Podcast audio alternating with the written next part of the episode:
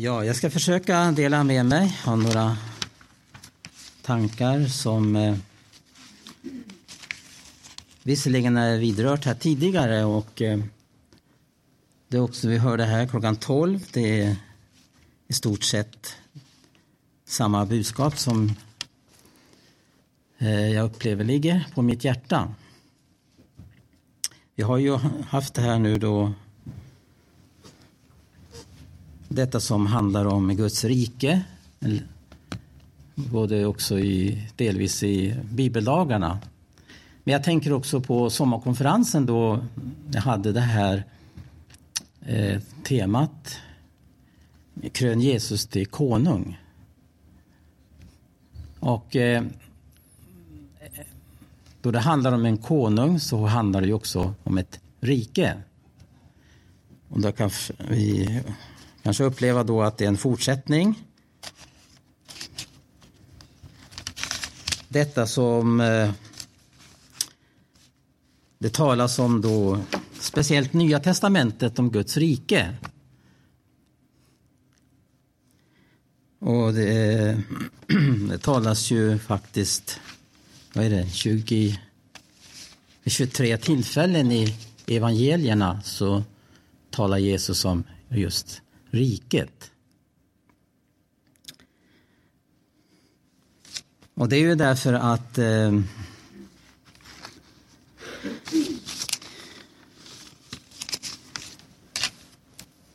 Guds tanke är ju att Guds rike som i sig själv är någonting som är osynligt också kan synliggöras. Guds rike som är i och för sig osynligt. Det kan också bli synliggjort i en människas liv.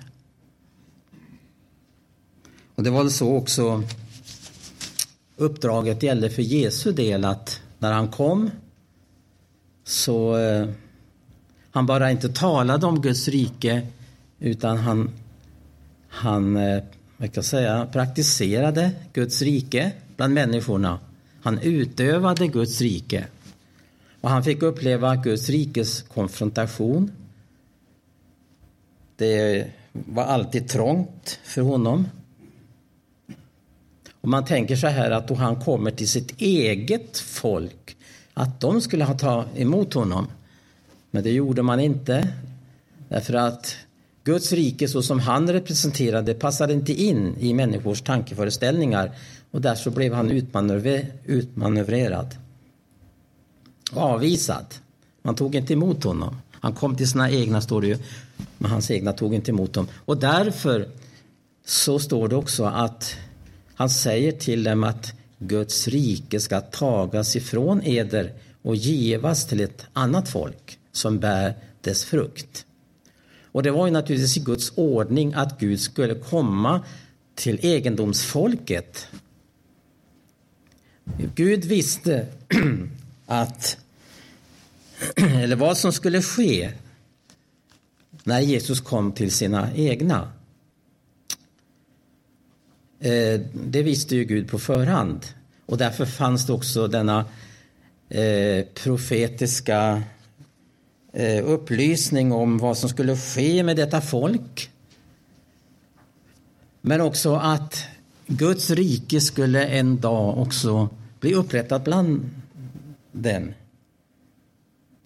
Och att de sedan skulle få bli Guds budbärare. Och då är vi ju framme i tusenårsriket. Efter Jakobs nöd ska ju en skara bli omvända och så ska Jesus upprätta Guds rike. Det som har att göra med just den tiden. Jag kan hänvisa till någonting jag ritade här på tavlan. Som kanske säger bristfälligt men eh, jag vill ändå med hjälp av det jag ritat här eh, just understryka det här Guds rike i tiden. Guds rike under tusenårsriket. Men Guds rike också i den tid som vi lever i. Det är ju vi som lever nu och här i tiden. Vi lever inte i en förgången tid eller en framförvarande tid. Utan vi lever nu och här. Och vi lever då i en tid då Guds rike verkar igenom den enskilde och genom församlingen. Men det är oerhört intressant att se det här på det historiskt sätt.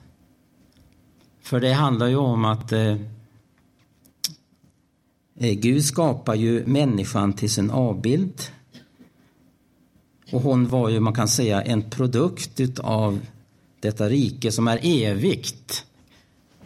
Guds rike här på jorden har ju utgått ifrån hans eviga rike. Det står i psalm 145, vers 13 att Guds rike är ett evigt rike. Och det talas också i Danielsboken ett rike som aldrig kan förstöras. Ett rike som är evigt skall alltid bestå. Ära vare Gud. Och Hebreerbrevet talar också om, med tanke på framförvarande tid för oss, att då vi nu ska undfå ett rike som icke kan bäva så må vi vara tacksamma. Men det som är intressant just det här då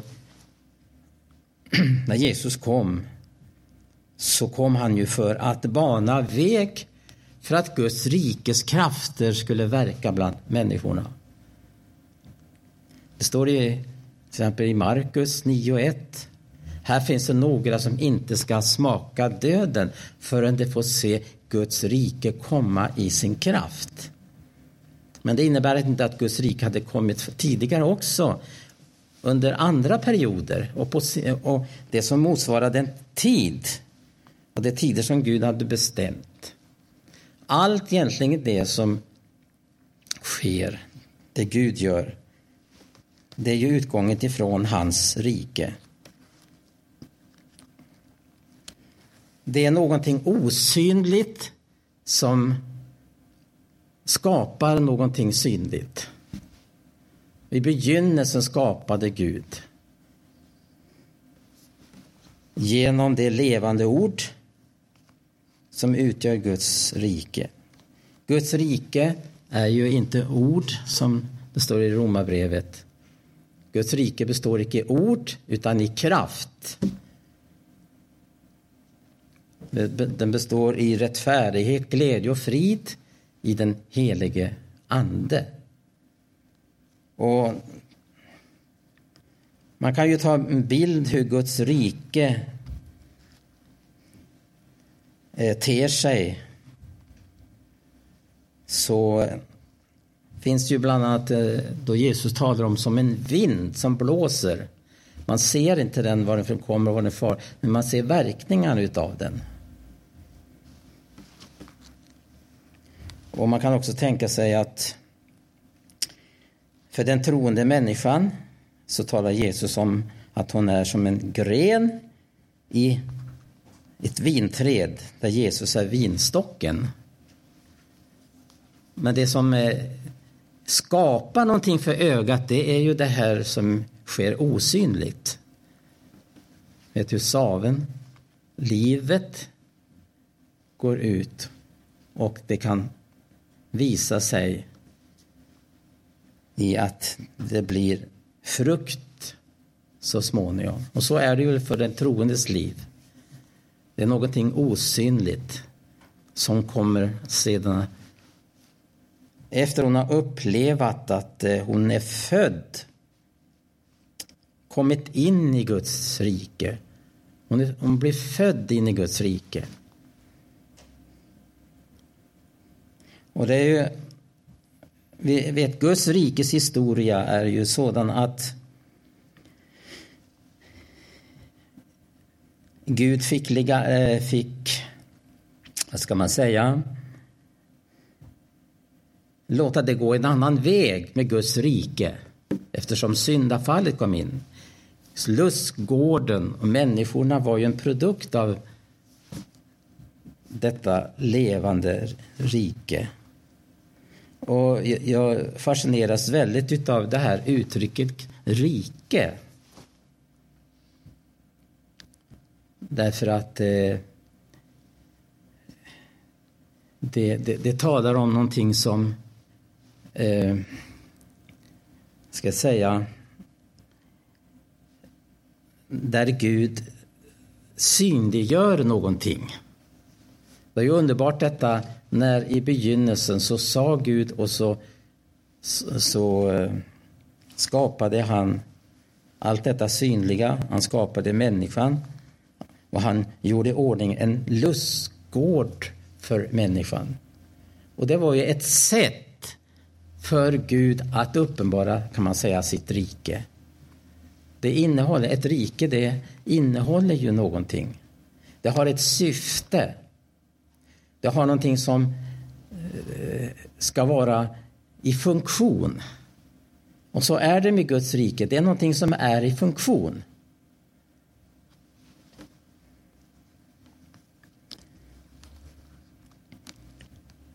Men så fick då Gud gå en annan väg. Och då handlar det om att Guds rike kom i, i form av ett, av ett budskap och en handling. I det att Gud öppnade en frälsningens väg, en räddningens väg för människan. Och vet, människan blev ju utdriven ur Edens lustgård. Men så fanns det en frälsningen, en räddningens väg. Och där då talas det om hur den skulle gå till. Och det som skedde då är att Gud måste låta ett djur dö, ett blod rinna. Så är det ju, var det ju profetiskt. Vad som skulle ske. Därför att eh, det var inte själva djuret och dess blod som kunde frälsa men det var en profetia. Det var ett budskap om någonting som skulle komma att ske längre fram i historien. Men människan blev ju frälst då genom ett löfte som sedan gick i uppfyllelse. Jesus uppfyllde detta löfte och han var den enda som kunde det, göra det. Och under hela tiden så uppenbarar Guds rike då på olika sätt i det att han tar ut enskilda människor som blir Guds rikes representanter här på jorden. Och det fortsätter ju med, vi känner till hela historien, hur också Guds rike kommer att omfatta så som en nation, som ett folk som Gud tog ut från Egypten. Och allt detta som, som skedde med det folket det Gud befallde att man skulle göra, det är ju ett uttryck ifrån hans rike. Hans rike omfattade en jordisk nation under gamla förbundets tid. Och det existerar ju så länge de eh, fullföljde vad Gud hade sagt. När de då inte fullföljde vad Gud hade sagt så förlorade de, då kom den delen bort så som eh, uppenbarelse av Guds rike som ett folk och som en nation med gränser, med en stad och med ett tempel. Allt detta är ett uttryck. Det var ju ingenting som de själva hittade på utan det, det skedde därför att det var ett sätt att Gud att uppenbara sitt rike. Ja, det här känner vi ju till. Men därför jag ritar, flytta här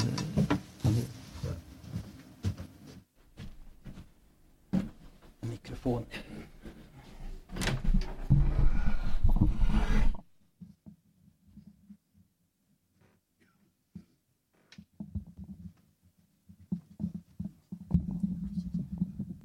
Det här eh, jag har ritat det, det handlar först och främst Guds eviga rike.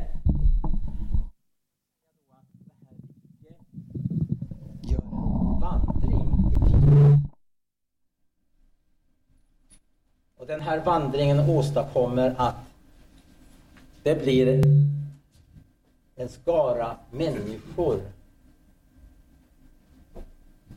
frälsta in i det eviga riket. Det eviga riket som är hos Gud, men som hade sin begynnelse då det började tiden att ticka. Men den tiden ska ju ta slut sedan. Och då kan vi läsa, om det kanske är någon som vill läsa första Korinthierbrevet 15, 24. Om någon vill läsa det versen.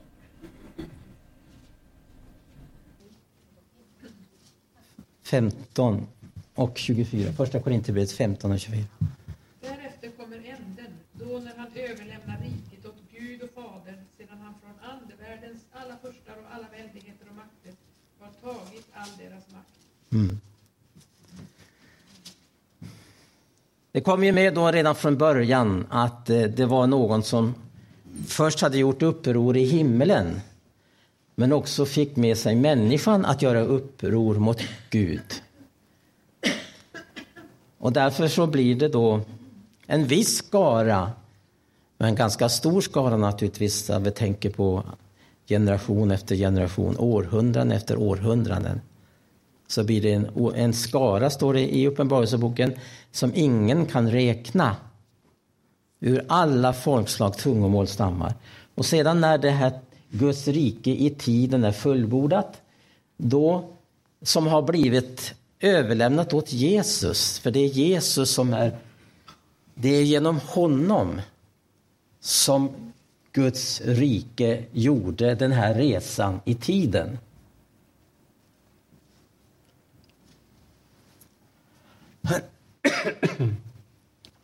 Det står ju så också, Jesus är själva centrum. Genom honom har allt blivit skapat. Genom och till honom.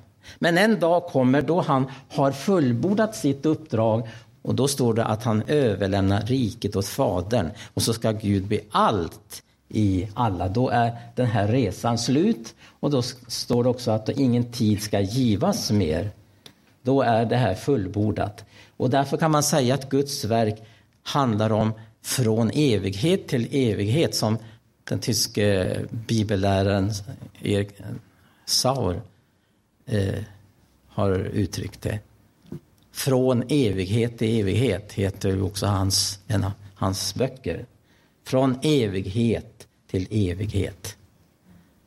Och det är oerhört gripande att tänka hur Gud hade denna plan denna frälsningsplan framför allt. Han ville skapa människan för att leva tillsammans med människan. Men det som är viktigt för oss då det är ju naturligtvis hur vi får uppleva Guds rike i den här tiden, den här, som är församlingens tid som också kallas för nådeshushållningens tidsålder. Tiden är ju indelad i olika tidsåldrar.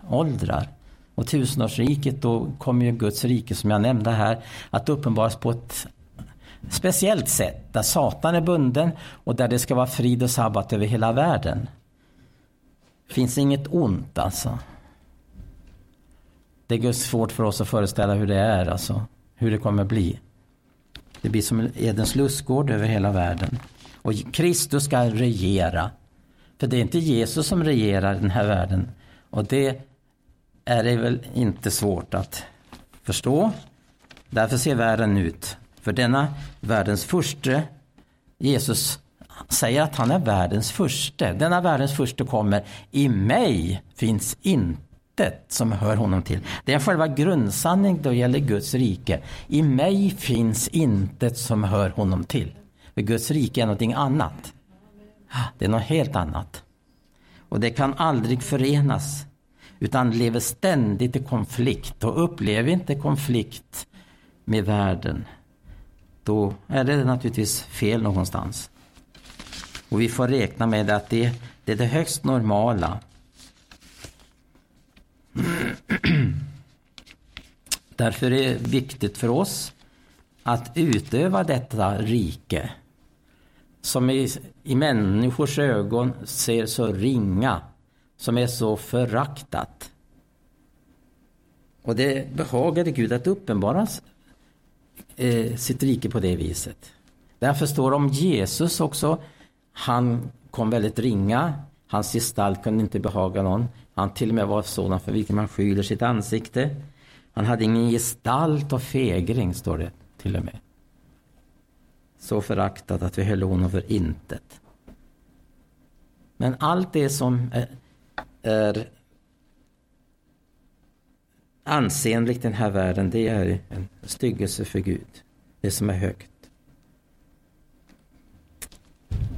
Och Jesus säger också med tanke på detta att då måste man omvända sig och bli som ett barn för att komma in i Guds rike. Det, det är en väldig hemlighet. Att eh, förstå det här riket. Det var många människor som Jesus konfronterade med som inte förstod. Då han talade om det här riket. Utan det blev så som han säger i en liknelse. När någon hör ordet om riket så kommer djävulen att plocka bort det. Och det bär ingen frukt. Jag nämnde, citerade för från Romarbrevet, Guds rike det är, eh, det är liv och kraft.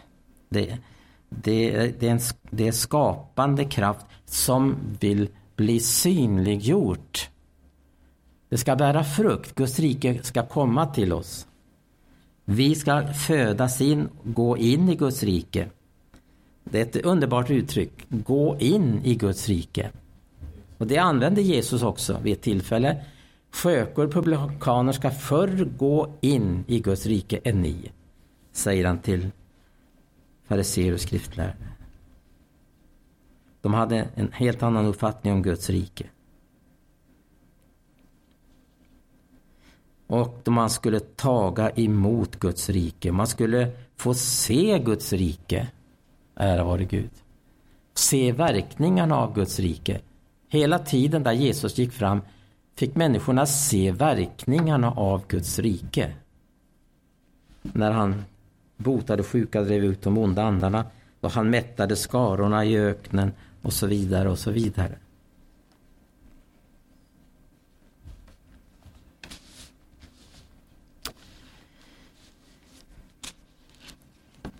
Eh, jag har mer och mer fascinerat mig i tanken och uttrycket i Bibeln om Guds rike.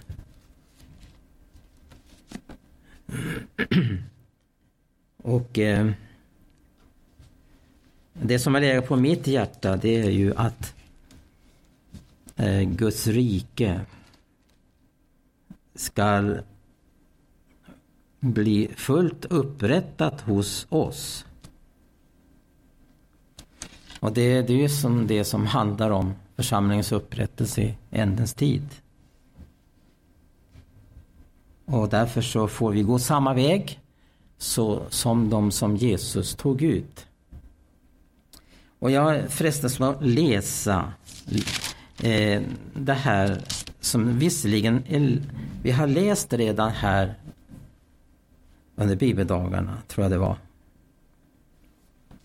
Jag tror vi har läst det mer än en gång, men här så, när man läser det här bibelsammanhanget då, så liksom kan man uppleva att det öppnas i ögonen för hur detta rike ska till fullo upprättas hos oss.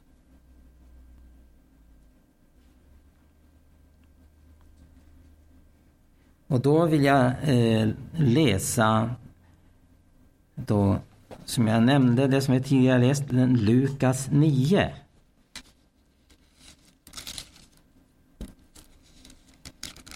Och det är ju frågan om att vi inte bara ska komma in i Guds rike.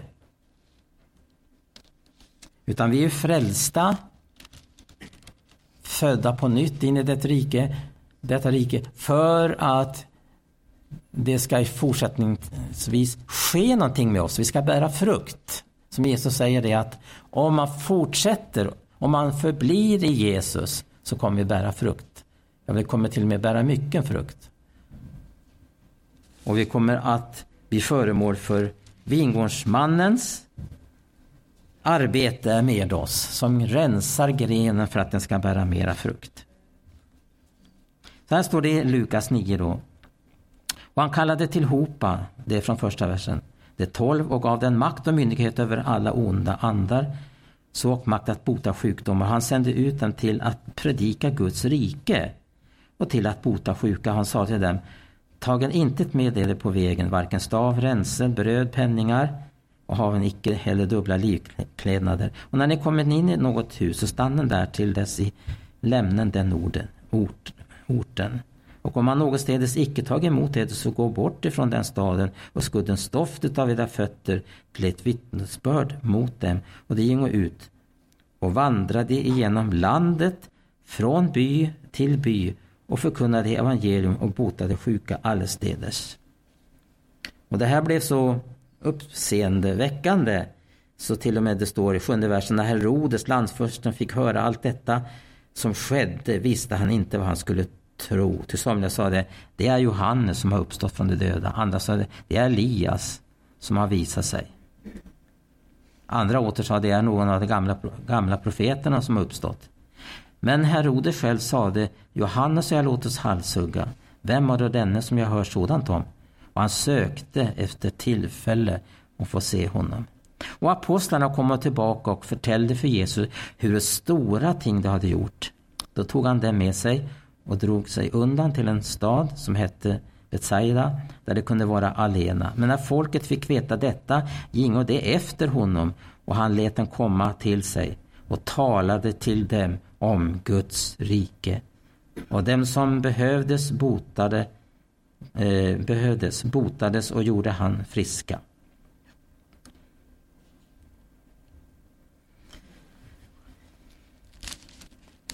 Eh, ja, vi kan fortsätta därför att här sker det mycket märkliga och intressanta saker som har att göra med ett utövande av detta rike. Men dagen begynte nalka sitt slut och trädde de tolv fram och sade till honom Låt folken skiljas åt så att de kunna gå bort till byarna och gårdarna häromkring och skaffa sig härberge och få mat. Vi är ju ute i en öde trakt. Men han sade till dem, given i dem att äta. De svarade, vi hava inte mer än fem bröd och två fiskar så framför vi icke skulle gå bort och köpa mat åt allt detta folk. Där vore nämligen vi pass 5000 män. Och då kan vi tänka oss om det var 5000 män, att det var, fanns kvinnor och barn. Så det var en ansenlig skara. Då sade han till, den, till sina lärjungar, låt dem lägga sig ner i matlag, 50 eller så omkring i vart. Och de gjorde så och lät dem lägga sig ned. Därefter tog han fem bröden och två fiskarna och såg upp till himlen och välsignade dem. Och han bröt brödet och gav åt lärjungarna för att de skulle kunna lägga fram åt folket. Och det som åt då, och, och det åt då alla och blev mätta. Sedan samlade man upp de stycken som man hade blivit över efter dem tolv korgar. Och Jesus undervisar också, därför att det fanns ju en undervisning just i att hur vi ska utöva detta rike. Och därför säger han så här i 23 versen till exempel, han sa det till alla. Han sa till alla. Om någon vill efterfölja mig så försakar han sig själv och tager sitt kors på sig var dag, så följer han mig. Och talet om korset är ju i det här sammanhanget eh, helt avgörande då det gäller Guds rike. Därför att eh, korset, vad ska jag säga, eh, korset eh, det har, ska jag säga, en möjlighet att utföra sitt verk i våra liv korsets kraft talas det ju om. Korset, det är en kraft. Och den som ger sig helt hän åt Guds rike helt och fullt. Så att han gör som många gjorde, de lämnade allt och följde honom. så fick de uppleva korsets kraft verka i deras liv. Så att de fick uppleva att korset var någonting som verkade åtskiljande. Och korset det talar ju om att eh, själva korsets budskap talar ju om, om dels någonting som är förkastat men också varigenom Guds uppståndelsekraft verkar. På korset, när Jesus hängde på detta kors så, så satte han ju punkt för det, för det, det som eh, inte kan behaga Gud. Det som är fördärvat av synden och hela världen är ju fördärvad. Människorna är fördärvad av synden. Och eh, då var det ju också viktigt alltså hur man ställde sig inför korsets budskap. Och det är ju frågan om inte bara när jag tog emot frälsning utan fast med mycket mer sedan jag har börjat min vandring här i tiden. Att jag säger ja till korset. Vill jag säga ja till korset? Men den som gör det får ju också då uppleva Guds uppståndelsekraft i sitt liv. Men Paulus säger ju faktiskt att det är många på hans tid som vandrade till och med som fiender till Kristi kors. Och därför är budskapet om korset upplever jag för min egen del har blivit mer och mer dyrbart. Och det får mer och mer konsekvenser för ens liv om man, om man eh, anammar det här budskapet om korset. Som är en dårskap för de som går förlorat. Talet om korset är en dårskap. Men det är underbart att, att det är en verksam kraft. Korset är en verksam kraft som jag kan släppa in i mitt liv. Så att jag upplever att det är någonting som dödar det som ska dödas. Därför att det, det, det handlar om att jag mer och mer ska skickliggöras för Guds rike. Jag skiljs ifrån korsets kraftverkar. Avskiljande och dödande. Det dödar det som inte behagar Gud. Och eh, för att riktigt förstå korset budskap så får vi, får, måste människan bekanta sig med det här i vilken situation människan lever.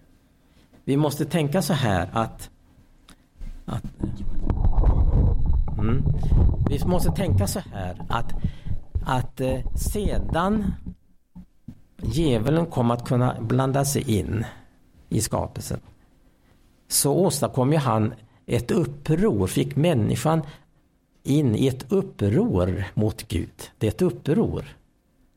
Och hela världen lever i ett uppror mot Gud.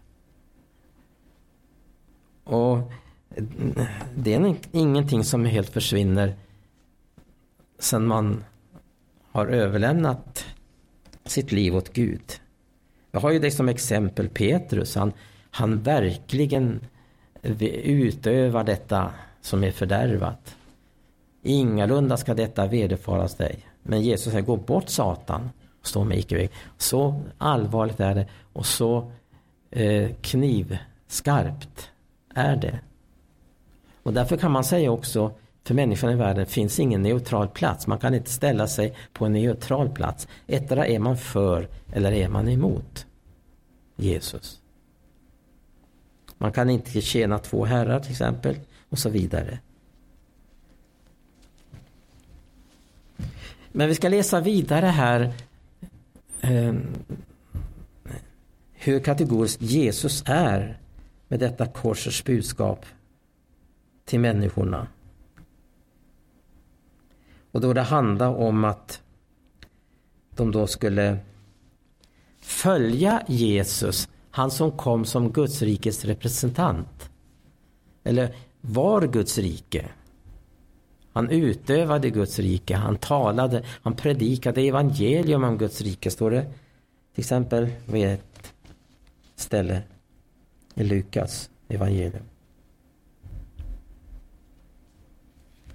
Och mm, mm, det, det jag tänkte nu på här, det är eh, i samma kapitel vi har läst, det, men det är i, från 57 versen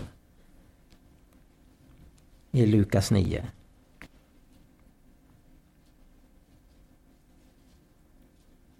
Och då står det så här. Medan det nu färdades fram på vägen sade någon till honom, jag vill följa dig var helst du går. Då svarar Jesus honom, revarna har kulor och himlens fåglar har nästen, men Människosonen har ingen plats där han kan vila sitt huvud. Och till en annan sade han, följ mig. Denne svarade, tillsted mig först att gå bort och begrava min fader. Då sade han till honom, låt de döda begrava sina döda, men gå du åstad och förkunna Guds rike. Åter en annan sade, jag vill följa dig, Herre, men tillsted mig först att taga avsked av den som höra till mitt hus. Då svarade Jesus honom, ingen som ser sig tillbaka sedan han satt sin hand till plogen är skickad för Guds rike. Det här blir då ganska obekvämt och människor konfronteras med detta budskap då som Jesus har till människorna. Och då tänker man på ett annat bibelställe där Jesus säger, jag har inte kommit för att skaffa frid utan svärd. Så finns det fem, så det kanske blir två så står mot tre och tre mot två. Eller som många fått erfarit, man till och med blir utfryst ifrån sin närmaste, sitt hem. Det är ju väldigt vanligt, eller så går det till i den muslimska världen till exempel.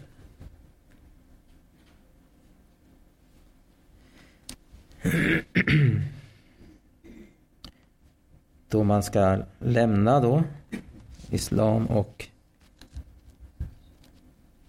ta emot Jesus som sin personliga frälsare. Det är samma för många där i den världen som att man är död. Man existerar inte längre. Och när vi vet bara detta att om det sker beblandning ifrån deras religion så, så finns det ju hemska följder av detta. Men eh, Jesus talar här till de här och man kan ju fundera här då Vore det inte bra om att, att eh, nu träder fram en som vill följa honom var helst du går? Och det kan man tycka var ett oerhört erbjudande av den mannen. Men eh, nästa vers ger svaret. Han hade inte räknat med att ska man följa med Jesus då måste man ge upp alla förankringar i denna världen. För Jesus hade inga förankringar i den här världen. Han hade inte ens en plats där han kunde vila sitt huvud. Han behövde inte det heller. För, för så suveränt är Guds rike. Att lämnar man någonting, och jag åter citerar det här, jag har citerat nu flera gånger. Och det är ett uttryck från en av Warnes bibelstudier där han säger så här att sök, att söka Guds rike det är att inte söka ingenting. Och det är där som det är så svårt för människan att uppleva övergången, att släppa någonting som kan kännas så bra och så tryggt som man kan tjäna Gud med till och med som kan komma Guds rike till del.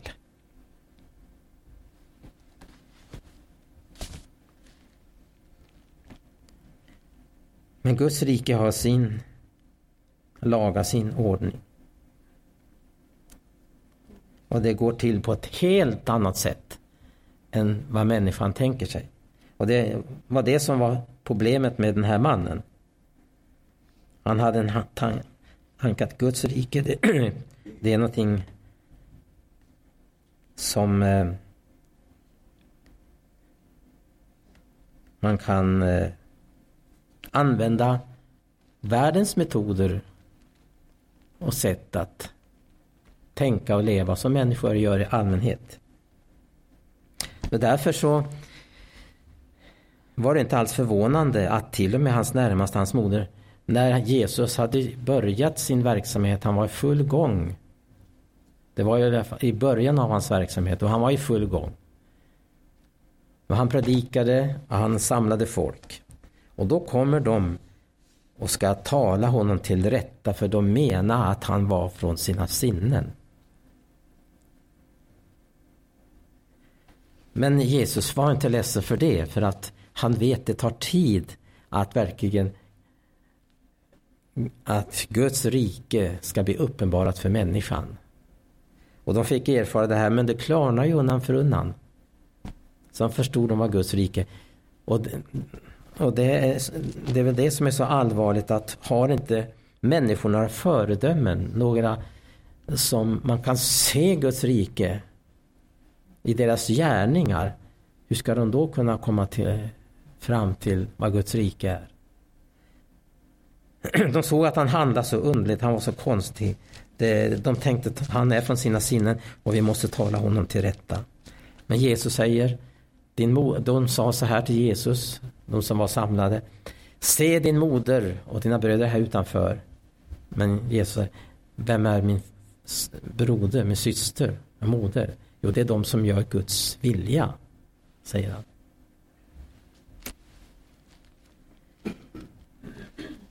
Så man kan tänka sig det att, att eh, människan, människorna kring Jesus fick en mer eller mindre chock. Men eh, de fick ju se hur Guds rike fungerade. Och det fick ju en hel skara som var samlade ute i öknen där det inte fanns något bröd. Man hade inte pengar för att kunna ge dem något, eh, så att det skulle räcka till alla. Det var ju många människor. Varför slår detta? Säger en av hans lärjungar. Men given i dem att äta. Då för han in dem på Guds rikets lagar. För Guds rike det representerar ju andliga lagar. Och det fungerar alltid för den som vill ge sig hen in i Guds rikets villkor. Gudomlig ordning. Given i dem att äta. Och så fick de se hur Guds rike fungerade. Och lärjungarna fick ju gå tillsammans med Jesus i tre, kanske tre och ett halvt år. Och de fick då se. Och, men så har vi ju läst här också där de sänds ut av honom på ett sådant sätt att det här verkar redan snurren. Gå iväg ut till, de ska, de ska gå genom hela landet men de ska inte ta med sig varken bröd, penningar, dubbla likklädnader, stav eller ränsel. Och varför gjorde Jesus på det här viset? Och det, det, det tror jag just också ligger i den här hemligheten som Jesus ville lära den här. När han säger att människosonen har ingen plats där han kan vila sitt huvud. Varför tillstede Jesus inte de kunde ha en missionsfond till exempel. Som Jesus aldrig upprättade här. Utan de var mera fattiga än förut. Han själv ägde ingenting. När han lämnade jorden. Och nu skulle det bli en världsomfattande mission. Men han hade istället tagit ifrån dem allt det här. För att ge plats så att Guds rike skulle få verka bland människorna. Därför att eh, Guds rike det behöver inte ha hjälp av världens metoder och sätt. Utan det har sin egen väg. Och det är också ett vittnesbörd. På det viset så uppenbaras ju Guds rike och Guds vittnes, ett vittnesbörd om Guds rike och hur, hur det fungerar. Men grund och botten är det naturligtvis att, att Guds rike kan icke förenas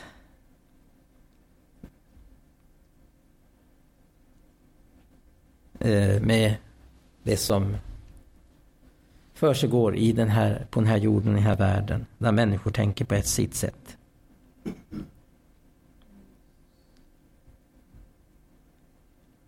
Och så på det viset, ja, vi har hört det här, jag har nämnt också citerat om bibelstudier. Vid ett tillfälle så hörde vi om ett bibelstudie som Arne hade där det talade om att lärjungarna skulle gå, de fick gå så långt magen tillät.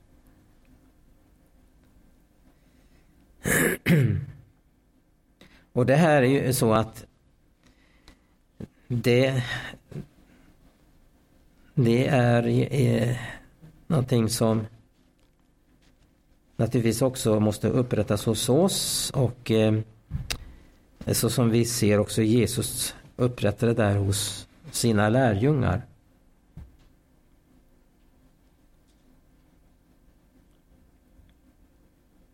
Därför att när de gick på det här viset och det, det var av flera orsaker. Det var inte bara det att de skulle verka utifrån vad en människa har för möjligheter utan det var också det att det skulle ske detta utbyte. De skulle vara beroende av människorna. Och de människor de predikade för skulle bli beroende av dem. Och de liksom kom ner på samma nivå. Annars är ju vanligt, vi tänker speciellt eh, på ett västerländskt sätt att missionera och, och så. Och på det viset så blev Guds kraft uppenbar. Det är ju därför, det är ju tanken med det och för Jesus ställer de här situationen. Det är därför att Guds kraft ska uppenbaras. De skulle bota de sjuka.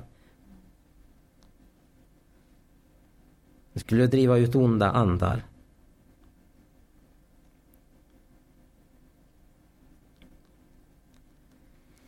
Det är ju en väldig hemlighet.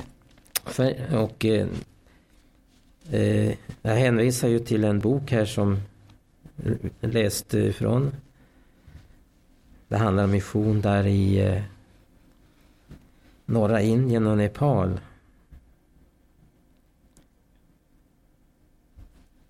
Och eh, den, indis, den kinesiska, kine, en, en, den kinesiska brodern och predikanten han hur han upplevde hur Gud hade eh, fått verkat fram en framgångsrik mission.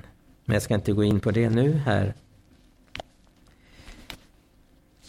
Men vi känner ju till också att Jesus också Eh, Ställ den här frågan. Hur var det nu när, ni, när jag skickade iväg er? Fattades någonting för er? Nej, intet säger de. Intet fattades. Det fungerar. Guds rike fungerar. Men det måste först komma ner till nollstrecket om jag säger så. Guds rike är ingenting som ska kompletteras till på det sätt som vi kan se, ser och gör ibland. Och det är väl just därför Guds rikes krafter inte mer blir uppenbarat. Därför att vi har inte fått erfara det här. Så som lärjungarna fick erfara det här. Och det här var då också för dem ett skolexempel av Jesus. För det här skulle de ha nytta i fortsättningen. Kör. Och då tänker man, hur är det möjligt att människor kan sätta sig in i en sån situation? Hur är det möjligt? Hur är det möjligt att människor kan sätta sig in i en sån här situation och bli, och bli så utlämnade? Men då tänker jag faktiskt som en väldig väckelsesignal för min egen del. Det här är bara lite vad jag nämner inom parentes, men det, det, är i alla fall ett litet vittnesbörd. Därför att det, och då tänker jag nu på att att eh, satsa på Guds rike, det är ju att uppleva att det finns, att det blir, det finns i det en drivkraft, en mäktig kraft. Att få representera ett rike som är starkare än det rike som är i riken och rikets som mörkret står för. Frukta icke du lilla jord, till det har behagat er, det får jag giva riket. Och dödsrikets portar kan inte bli församlingen övermäktig. Käre Gud. Segern är given på, redan på förhand, ära vare Gud. Ni ska gå ut och ni ska trampa på ormar och skorpioner. Halleluja. Men en väldigt, som jag sa här, en väckelsesignal som jag själv upplevde är detta att under den första tiden i Maranata eh, så det var ju sån där väldigt översvallande tid. Och visst var det mycket som inte kanske var riktigt som det skulle.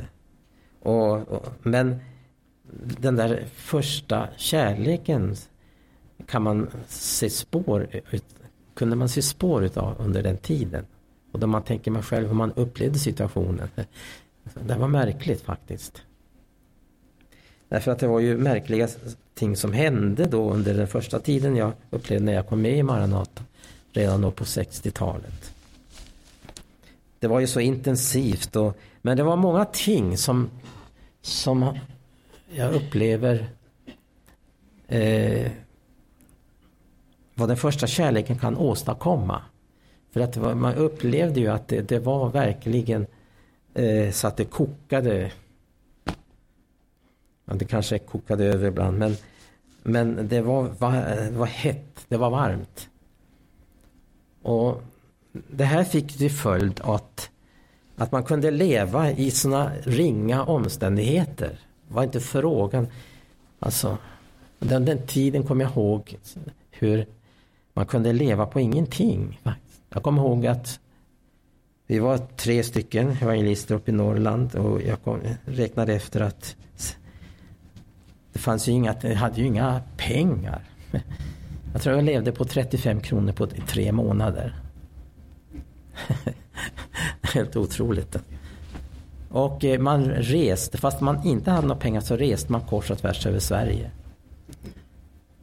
För Gud lärde mig att hur man kunde göra, hur man kunde lyfta på ett speciellt sätt. Jag förstår inte som inte andra gjorde, ställde sig i vägen med tum utan Gud sa du ska gå till en, en, en bensinmack. Och när det kommer en person som du känner för ska du fråga. Och det slog aldrig fel, det var okej. Okay. Jag kommer ihåg en gång jag skulle åka från Kiruna till Piteå. Och eh, nu känner jag för ja den här ska jag fråga. Det var en kvinna, en ung kvinna. Jag fattar inte liksom hur hon egentligen så vågade ta upp mig och sådär. Ensam, sitta där i vägarna uppe i skogen. Det är ju bara 10 mils vidda skogar, 20 mils vidda skogar. Och till och med erbjöd att bo i köket där de hade en liten etta. Ja, jag fattar inte. Alltså, men jag fick förtroende för att jag började vittna. Satt och talade Guds ord i, vad är det, från Kiruna till Piteå? 30-40 mil. Och det var inte frågan om, skulle man någonstans, det var inte frågan, har jag pengar? Det, det var en underordnad fråga. Det var inte frågan om vi arbetade så väldigt intensivt. Det var aldrig frågan om semestrar eller någonting annat eller göra det och det. Det var så lätt att försaka och det är ju en veck jag får säga det, det är en väckelsesignal. Att, för att det var ju naturligtvis kärleken, den första kärleken. Som den heliga ande la ner i, i våra hjärtan. Att leva så ringa omständigheter. Och det kunde vara väldigt primitivt ibland och det kunde vara väldigt intensivt. Det var inte frågan om någon sömn ibland utan Det var bara att sätta sig på nattåget och nu ska vi upp och ha möten i Umeå. De har ringt därifrån och, och när vi kom upp så var det massor av folk i rörelse och det, de kommit in och det var så intensivt och det var så spännande. Och så är det då eh, Gud är på färde. Nu menar inte jag att vi ska kopiera någon tid som ligger bakom men, men detta säger nog ändå att hur viktigt det är och hur villkoren är för att utöva Guds rike i tiden. Käre Gud. Och då också upplever faktiskt det som eh, kommer in på den här vägen att egentligen behöver man inte så mycket och det mesta står egentligen i vägen för att tjäna Gud. Man behöver inte. Man behöver, har vi mat och kläder så kan vi nöja oss med det. Behöver inte mer. Och så vidare.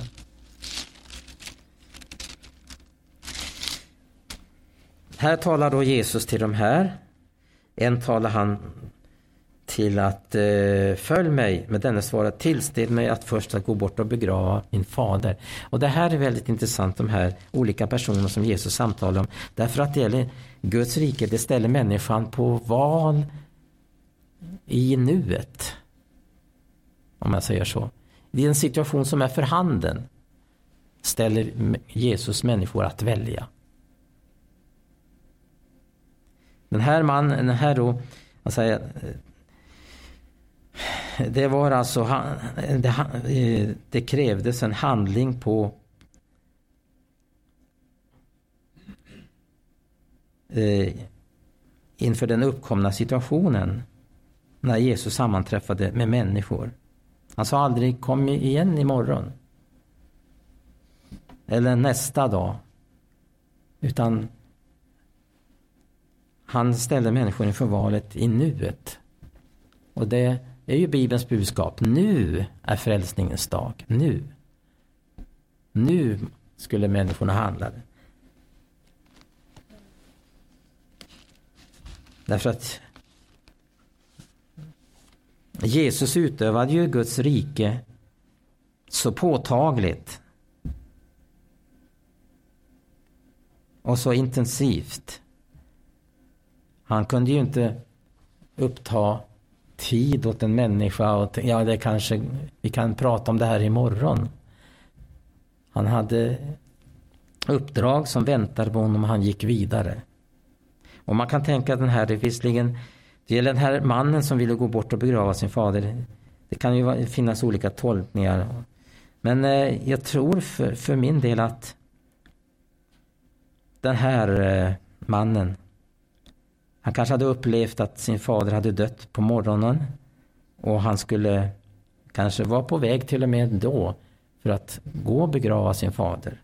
Men så fick han se Jesus och tänkte att jag hinner nog gå i och lyssna lite och prata. Och så kom han att i samtal med Jesus.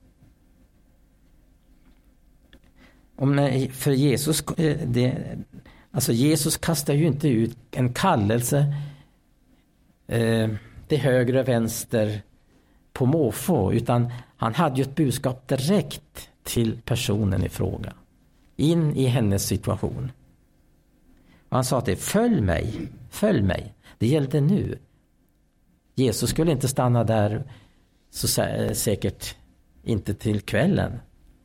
Utan han skulle gå vidare och nu fick han det här erbjudandet, den här kallelsen, följ mig. Men denne svarade, tillsted med att först gå bort och begrava min fader. Men Jesus säger, låt de döda begrava sina döda. Men gå du och stad och förkunna Guds rike. Tänk att höra sådana ord ifrån Jesus och få en sån kallelse.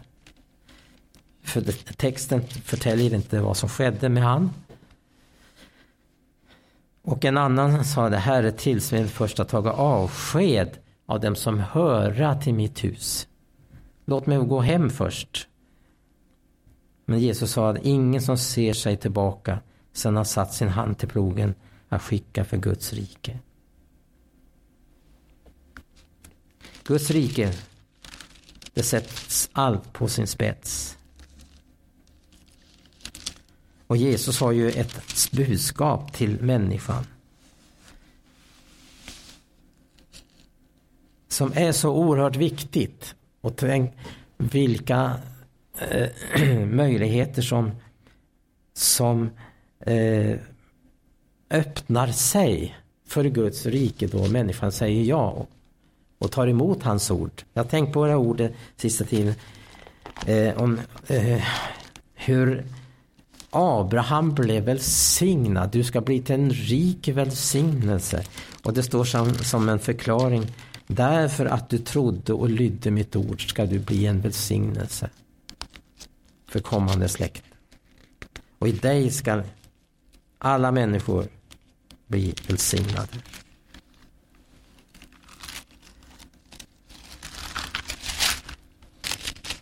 Jag vet inte om jag ska ta tid att läsa det där men jag kan i alla fall läsa den femte versen där i första Moseboks 26 kapitel. Därför att Abraham har lyssnat till mina ord och hållit vad jag har bjudit honom hålla mina bud och mina stadgar och lagar. Så, så fick han uppleva hur Gud välsignade honom. Jag ska göra dig din sed talrik såsom stjärnorna på himlen och jag ska giva åt din sed alla dessa länder. Och din, och din sed skulle alla folk på jorden välsigna sig. Och sen står det då, därför att Abraham lyssnade. Och tänk det var en man också som lyssnade till Jesu ord och gjorde som han. För det är det som är hemligheten med att Guds rike blir uppenbarat i en människas liv. Att göra det Jesus säger man ska göra. Som jag sa så förtäljer inte texten vad som skedde med de här personerna. Men den som lydde naturligtvis fick ju vara med om fantastiska saker. Gå du åstad och förkunna Guds rike. Och så sa han ju också åt den rike ynglingen. Sälj allt och ge åt de fattiga. Gör dig av med det här. Kom sedan och följ mig så ska du få en skatt i himmelriket.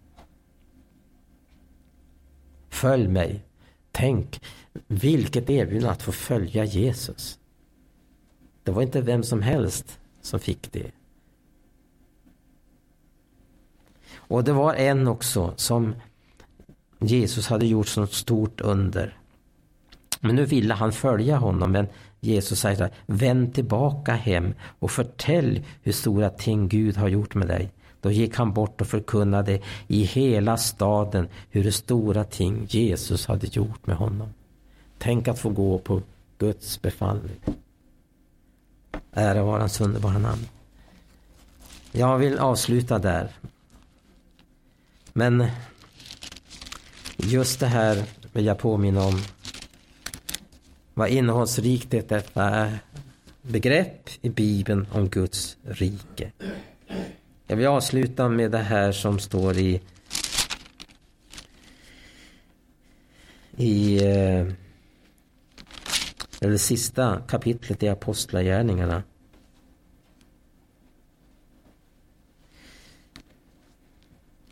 Under mycket ringa omständigheter.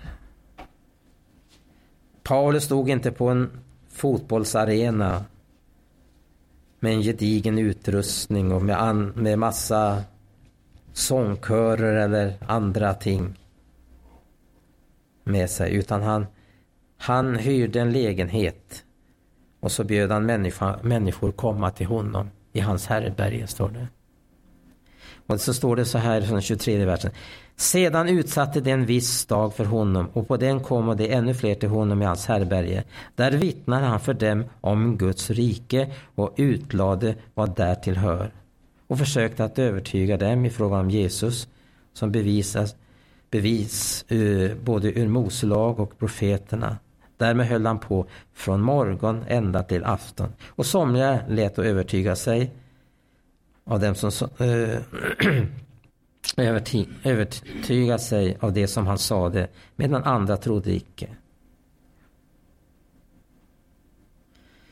Kära Gud. Så Guds, går Guds rike fram under ringa omständigheter. Kära Gud. Så länge inte Guds rike blir ett träd som himlens fåglar kommer och slår sina nästen. Ett litet senapskorn bäddas ner. Men vilken kraft det är i detta rike. Gud hjälp oss att vi får uppleva, så som lärjungarna fick uppleva det, vad Guds rike var. Kära Herre Jesus, tackar dig för din nåd, Herre.